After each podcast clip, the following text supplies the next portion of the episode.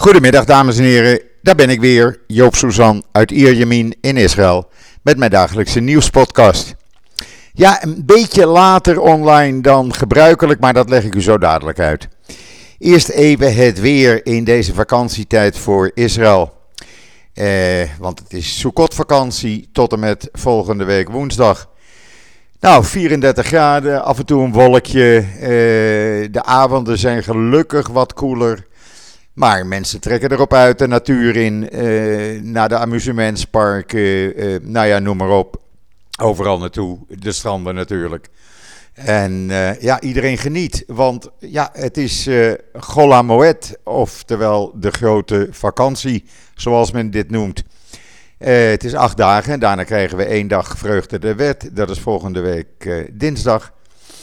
En dan is woensdag weer alles min of meer normaal. Maar mensen plakken er toch weer een aantal dagen aan. Eh, omdat eh, ja, vrijdag en zaterdag is het weekend. Maar dat eh, betekent ja, eh, een andere sfeer op straat. Eh, niet alleen doordat er mensen erop uitgaan. Maar ook omdat je overal natuurlijk in Israël nu de loofhutten ziet. op balkons, in parken, op pleinen. Ook bij mij in de tuin staan er een aantal. En het mooie is, en dat verbaast mij elk jaar weer als Nederlander zijnde, of ex-Nederlander, laat ik het zo zeggen. Maar je hebt toch die mentaliteit dat mensen er alles in laten staan. Hun tafels, hun ventilatoren, hun stoelen. Uh, allerlei uh, teken- en knutselwerk voor de kinderen. Het blijft er gewoon in staan s'nachts. En niemand die het in zijn hoofd haalt om dat eruit te halen. En dat is mooi dat het kan. Maar dat geeft wel een hele aparte sfeer altijd. De Sukkot-tijd uh, in Israël, ja, ik vind het altijd wel leuk. Uh, vakantie, vanavond is het bij mij voor de deur. Uh, wel tegen betaling, maar goed, ik kan het horen dan. In een amfitheater, 200 meter bij mij vandaan, een concert van een aantal bekende artiesten. Georganiseerd door de gemeente. Uh, ja, dat soort dingen worden door het hele land gedaan. Dus het wordt vanavond een gekke huis in de straat met tienduizenden mensen die dan hun auto proberen te parkeren, een kaartje kopen en dan gaan zitten in het amfitheater achter de shoppingmall. Nou, ik zit lekker op mijn terras en ik ga daar wel uh, van de muziek genieten. Ja, en dan uh, gisteren was er een heel interessant artikel online van mijn vriend Bas Belder over het Iraanse atoomprogramma. Bas is een uh, voormalig lid van het Europese parlement. En hij noemde zijn column Teheran schaakt, het Westen dobbelt. Een aanrader om te lezen nu we in de periode zitten uh, waarin wel of niet Europa en Amerika die Iran-deal uh, gaan vernieuwen. Ja, en dan uh, toch weer even het corona, uh, de cijfers. Uh, want gisteren kreeg ik al appjes van mensen. Joop, waarom geen podcast? Ben je ziek of zo? we willen weten corona en al het andere nieuws. Nou, gisteren waren er 100, bijna 109.000 mensen getest. Het was gisteren ja, zeg maar een soort Shabbat. Eerste dag Sukkot. Uh, het positiviteitspercentage was nu 4,7%. Dat is gedaald van 5,17%. Uh, 4800 mensen waren positief. Er zijn nu uh, zo'n 74.900 actieve viruspatiënten in het land, althans vanmorgen. Dat zijn er zo'n 2000 minder dan maandag. Er liggen 148 mensen of zitten in een quarantainehotel en 1123 in de ziekenhuizen. Um, van hen zijn er 723 ernstig ziek en 142 aangesloten op de beademing. Het dodental blijft stijgen en staat nu op 7582. Onder hen, dat werd in het nieuws gisteravond al vermeld, is een uh, bekende basketbalcoach van 49 jaar en een vrouw van 31 jaar, beide niet gevaccineerd. De R-waarde is gedaald tot 0,83. Opvallend was dat 80% van de mensen die dinsdag getest werden op COVID-19 niet was gevaccineerd. Uh, vandaar dat de meeste dus uh, ongevaccineerde mensen zijn. In het ziekenhuizen schommelt het tussen de 70 en 75 procent van de patiënten in de ziekenhuizen die niet gevaccineerd zijn. Uh, niemand heeft ooit de garantie gegeven dat een vaccin voor 100% werkt. Maar het beschermt wel tegen met 97% de derde booster tegen het krijgen van, eh, of tegen het ernstig ziek worden van corona. En het beschermt voor 95% tegen het krijgen van corona. Dat zijn de gegevens zoals ze er nu uitzien. U kunt dat lezen ook op uh, israelnieuws.nl, want dat had ik er maandag ook al op gezet. Er zit ook een uh, grafiek bij en dat kunt u zien in het artikel vandaag over het aantal patiënten. Uh, het aantal uh, mensen in, per leeftijdsgroep al of niet gevaccineerd. En dan ziet u dat in de leeftijdsgroep 12 tot 15, 16 tot 19, 20 tot 29 en 30 tot 49 het overgrote deel niet is gevaccineerd. Helaas, het is zo. En het toont maar weer eens het belang van vaccineren.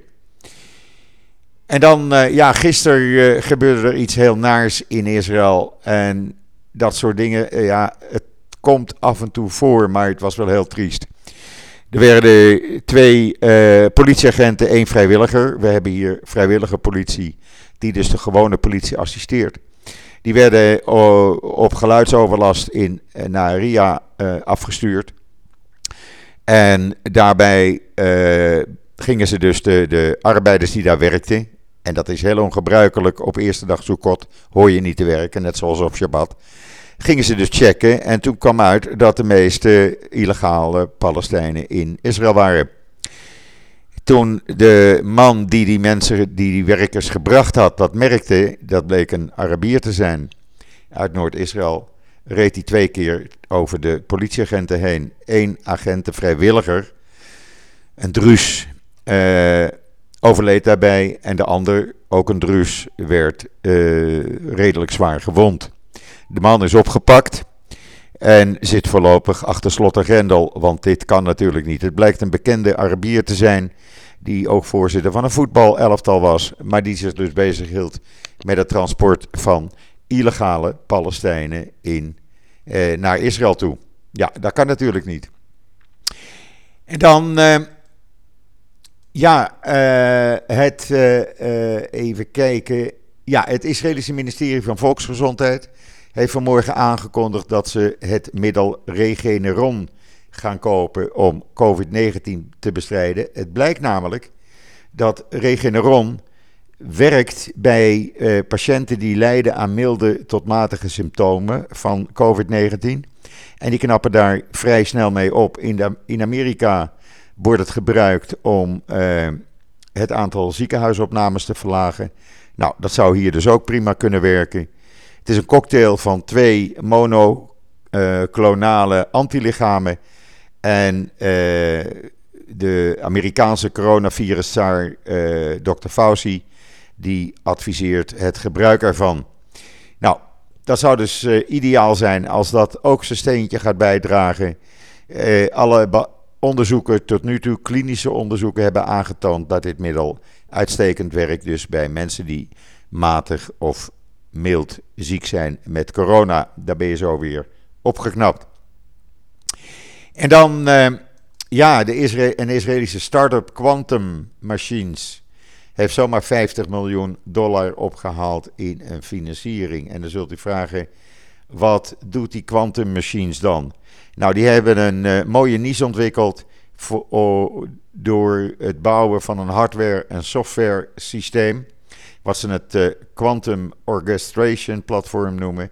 En dat helpt uh, snelgroeiende quantum machines, die hebben steeds meer natuurlijk wereldwijd, beter te laten draaien en sneller te laten draaien, waardoor er voldoende ruimte blijft om te groeien. Het is een nieuwe industrie en die ontwikkelt zich heel erg snel. En dit bedrijf is een van de koplopers. U moet het maar even lezen op uh, israelnieuws.nl. Uh, Google, Microsoft, IBM en Intel. Ze zijn allemaal bezig met quantum computing, maar dit Israëlische bedrijf is allemaal een uh, paar streepjes voor. En dat is natuurlijk wel leuk. En dan, waarom ben ik zo laat op, ehm, eh, met de podcast? Nou, dat heeft een verklaring. Vanmorgen is een van mijn kleindochters aangekomen en die blijft voor minimaal drie maanden in Israël. Die gaat met een groep uh, internationale jongeren, ze is 19 jaar, gaat ze uh, het programma van MASA doen. Dat wil dus zeggen dat ze, ze gaan Oepan doen in de ochtend, de taal leren en dan smiddags trips naar de IDF, naar universiteiten, naar bedrijven. Ze gaan ook langere trips maken door het land om andere delen van het land te zien. Ze gaan met de Arabische bevolking in contact komen, de Druze bevolking. Ze leren het land kennen zoals uh, het hoort. En uh, dan kunnen ze beslissen na die drie maanden of ze al of niet Aliyah willen maken. Maar er zit ook nog een maand extra bij waarin ze, en die gaat zij waarschijnlijk, zei ze vanmorgen tegen me toen ik erop haalde. Van nou, ik denk dat ik het zes weken ga doen, volunteerswerk, vrijwilligerswerk. Of met kinderen of met ouderen, dat wisten ze nog niet. Maar dat uh, wordt allemaal geregeld door de MASA-organisatie. Dat is net zoiets als Birthright. Ja, en dan is opa natuurlijk beren trots. Dus ik stond daar buiten op het vliegveld uh, te wachten op haar. Uh, ze kwam samen met een vriendin. Haar programma begint 1 oktober. En het is niet zeker of ze nou 24 uur of 7 dagen in quarantaine moet. Haar antigenetest was prima. Ze heeft antilichamen, bleek op de test op het vliegveld. Want dat weet je binnen een kwartier. En uh, krijgt in de komende uren de uitslag van de test bij aankomst. De COVID-test. En daarna krijgt ze te horen of ze na 24 uur de straat op mag of toch 7 dagen moet blijven. Ik denk dat het maar een dag is. Dat is het nieuwe regels hier. Ook mensen die niet gevaccineerd zijn, maar wel kunnen aantonen hersteld te zijn van COVID-19 in de afgelopen drie maanden. Ook die uh, zijn binnenkort weer welkom in het land. Maar je moet het wel kunnen aantonen natuurlijk. Ik verwacht zelf dat uh, de grenzen voor buitenlanders, individuele buitenlanders, na de feestdagen open gaan in oktober. Er is overeenstemming tussen Israël en uh, de EU waarbij elkaars groene paspoort wordt erkend. Dus Israëli's kunnen de EU, eh, Europese Unie in met eh, de Green Pass van Israël. En Nederlanders kunnen Israël eh, in oktober in met het groene paspoort uit Nederland. Is natuurlijk mooi, want dan kunt u gewoon uh, hier naartoe en hoeft u niet in quarantaine. Je moet dan wel minstens twee maanden, twee keer uh, gevaccineerd zijn. En de tweede vaccinatie mag niet ouder zijn dan zes maanden. Dat is het goede nieuws voor toeristen en ik zou het iedereen aanraden zodra die grenzen open gaan. Kom gewoon lekker naar Israël. Het weer in oktober is fantastisch. Je kan af en toe een regenbuitje krijgen, maar ach, dat stelt ook niks voor. En je kan nog lekker naar het strand, je kan de natuur in. Uh, ik zou het gewoon doen, want het land, we wachten op iedereen. En uh, ja, ik vind het dan ook wel leuk om een aantal uh, van de luisteraars te ontmoeten natuurlijk. Dat deden we voor corona al, dus dat gaan we nu weer doen. Dus dat was de reden dat Joop wat later was. En uh, ja, ik moet dus nu contact houden met die meid. Ik vind dat enig. Ze zijn helemaal zelfstandig. Voor het eerst lekker alleen erop uit zonder papa en mama. En ze zit vlakbij het strand in Tel Aviv in Ben Yehuda Street. Voor degenen die Tel Aviv een beetje kennen. Nou, die gaan zich amuseren. En die komen die drie, vier, vijf of zes maanden wel door. Dus leuk, ik vind het enig dat ze dat doen. Het was haar eigen idee, niemand heeft haar gepusht. Uh, zo zie je maar, het leven zit weer vol verrassingen. Want ik had het van haar het minste verwacht, als ik heel eerlijk ben natuurlijk. En dat ben ik, dat weten jullie. Ja, en voor de rest, uh, ja, alles gaat een beetje op halve kracht in Israël. Ik zei het al, vakantietijd. Dus het is maar een heel klein percentage van de bevolking die werkt, want iedereen geniet gewoon. Het is altijd de tijd om lekker de natuur in te gaan. Ik ga dat zaterdag doen als ik naar mijn broer in de kibbutz ga. Dan ga ik daar weer genieten. Dus ik heb ook wat leuks in het vooruitzicht. Morgenochtend heb ik een, eh, of morgenmiddag moet ik zeggen, heb ik een podcast met Esther Voet van het NIW. We zetten de keukentafel, uh, gaan we weer aanzetten. aan zitten, moet ik zeggen. Allebei. En ja, dan gaan we het hebben natuurlijk over de namenwand. Want ja, het, is, het, deed me wel wat hoor. Ik, heb dat, ik zei dat maandag al, ik heb het gezien. Maar ik kreeg maandag eind van de dag van Robbie Hiels, een persfotograaf in Amsterdam, persbureau Uno, uh, kreeg ik een, uh, een aantal foto's toegestuurd die hij speciaal gemaakt had voor mij uh, met alle namen van de Suzans op de stenen. En dat is een gedeelte van de 337 directe en indirecte familieleden. En als je dan al die namen ziet staan, en ik zag ook mijn eigen naam ertussen staan, en ik zie uh, al die namen Susan en ik zie die leeftijden 12 jaar, 8 jaar, 16 jaar, 17 jaar, 64 jaar. Alle leeftijden, mannen, vrouwen, jongens en meisjes, die vermoord zijn door de nazi's omdat ze Joods waren. Ja, dat deed me toch wel wat en ik koester dit ook. Robbie, ik weet niet of je luistert, maar ik geloof het wel. Nogmaals, ik heb je al geschreven. Enorm bedankt hiervoor. Het is meer dan waardevol. Goed, morgenochtend dan de podcast met Esther Voet. Dan hoort u weer wat Esther en Joop te vertellen hebben. En nou, ik kan u nu al zeggen, het is heel wat. Dus rest mij u nog een fijne voortzetting van deze woensdagmiddag toe te wensen. Ik ben er morgen weer en zeg zoals altijd: tot ziens, tot morgen.